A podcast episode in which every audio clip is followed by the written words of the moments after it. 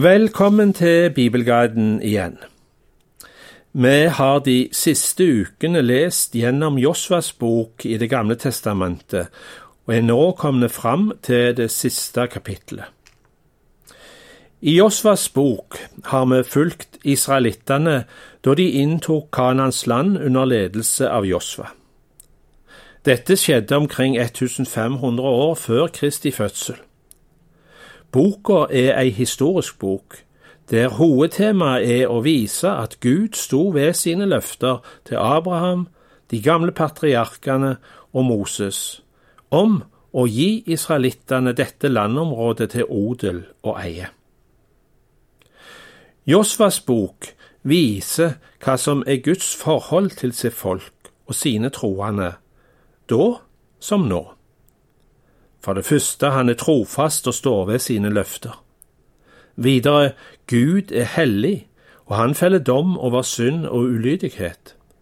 Og for det tredje så er hovedtemaet han er en levende og frelsende Gud.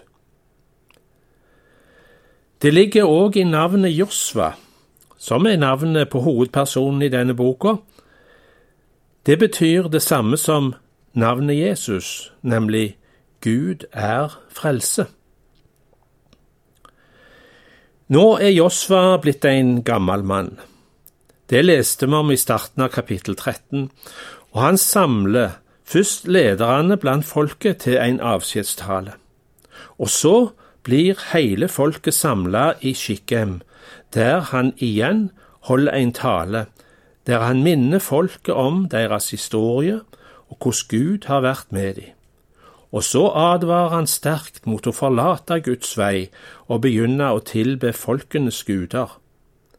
Han avslutter sin tale med ordet Jeg og mitt hus, vi vil tjene Herren.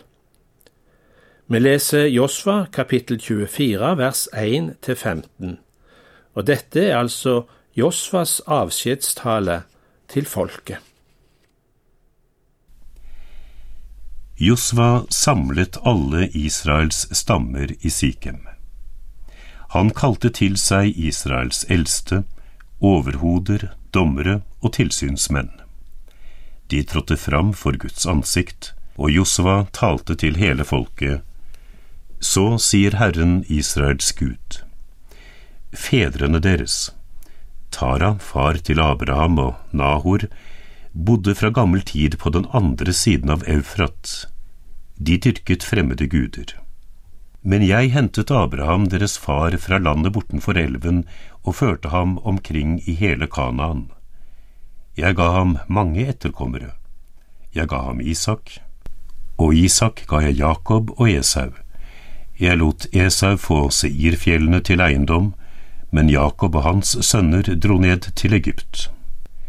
Jeg sendte Moses og Aron, og jeg plaget egypterne med det jeg gjorde hos dem. Så førte jeg dere ut. Da jeg hadde ført fedrene deres ut av Egypt, kom de til Sivsjøen.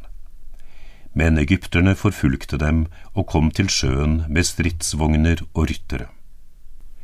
Da ropte de til Herren, og han satte mørke mellom dere og egypterne, og han lot sjøen skylle over dem så den dekket dem. Dere så med egne øyne det jeg gjorde med egypterne. Siden holdt dere til i ørkenen i lang tid. Så førte jeg dere inn i landet til amorittene som bodde øst for Jordan. De kjempet mot dere, men jeg overga amorittene i deres hender. Dere inntok landet, og jeg utryddet dem for dere. Så gikk kongen i Moab, Balak, Sippors sønn, til strid mot Israel. Han sendte bud på Biliam, Beors sønn, for at han skulle forbanne dere. Men jeg nektet å høre på Biliam, og han måtte velsigne dere igjen og igjen. Slik berget jeg dere fra hans hånd. Så gikk dere over Jordan og kom til Jeriko. De som hadde makt i Jeriko, gikk til strid mot dere. Amorittene, perisittene, kananeerne, hetittene, girkasjittene, hevittene og jebusittene men jeg overga dem i deres hender. Jeg sendte en bisverm foran dere og drev bort de to amorittkongene. Det var ikke du som gjorde det med sverd eller bue. Jeg ga dere et land som dere ikke hadde hatt noe strev med, byer som dere ikke hadde bygd, men som dere fikk bo i, vinmarker og oliventrær som dere ikke hadde plantet, men får spise av. Så frykt da Herren og tjen ham helhjertet og trofast. Skill dere av med de gudene som fedrene deres dyrket på den andre siden av Eufrat og i Egypt, og tjen Herren. Men hvis det byr dere imot å tjene Herren, så velg i dag hvem dere vil tjene. Enten de gudene som fedrene deres dyrket bortenfor elven, eller gudene til amorittene i det landet der dere nå bor. Men jeg og mitt hus, vi vil tjene Herren. Hva er så folkets reaksjon på Josva sin utfordring? Jo, de fornyer sin pakt med Gud og sier, Også vi vil tjene Herren, Han er vår Gud.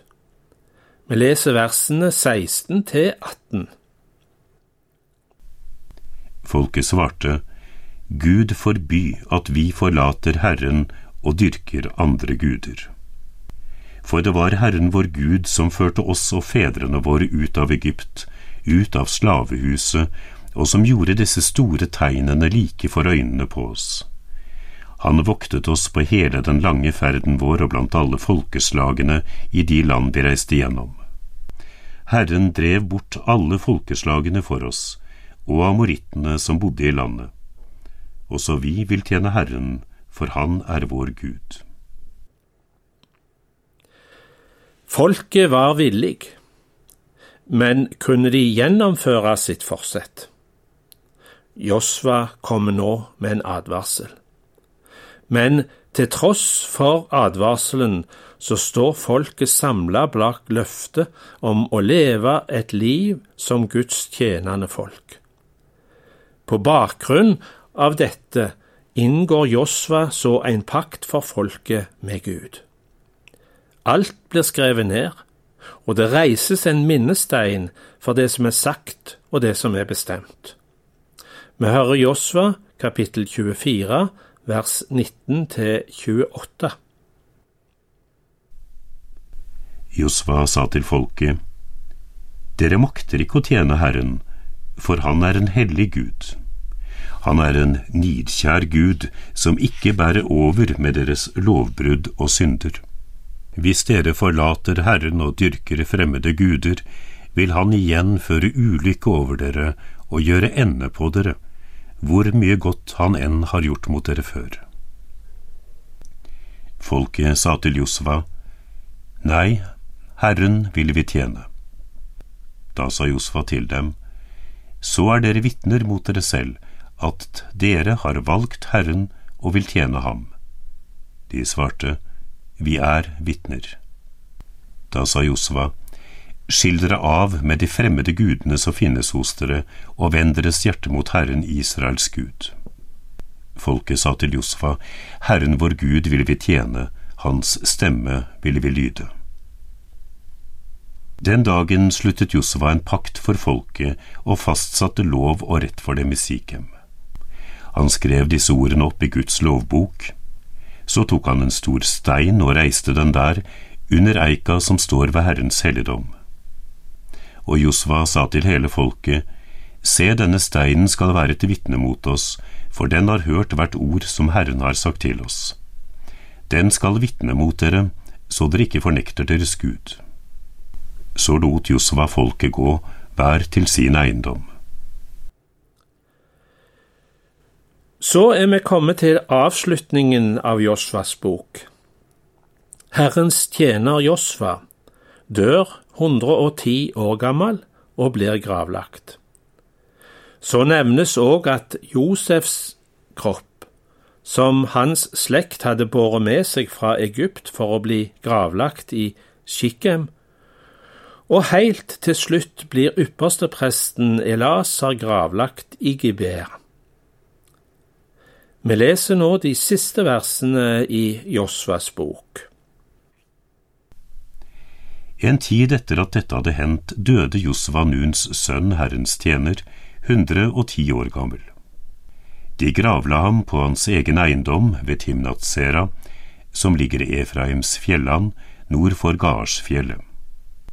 Israelittene tjente Herren i hele Josfas levetid, og så lenge det ennå var noen igjen av de eldste som levde lenger enn Josfa, og som kjente til alt det Herren hadde gjort for Israel.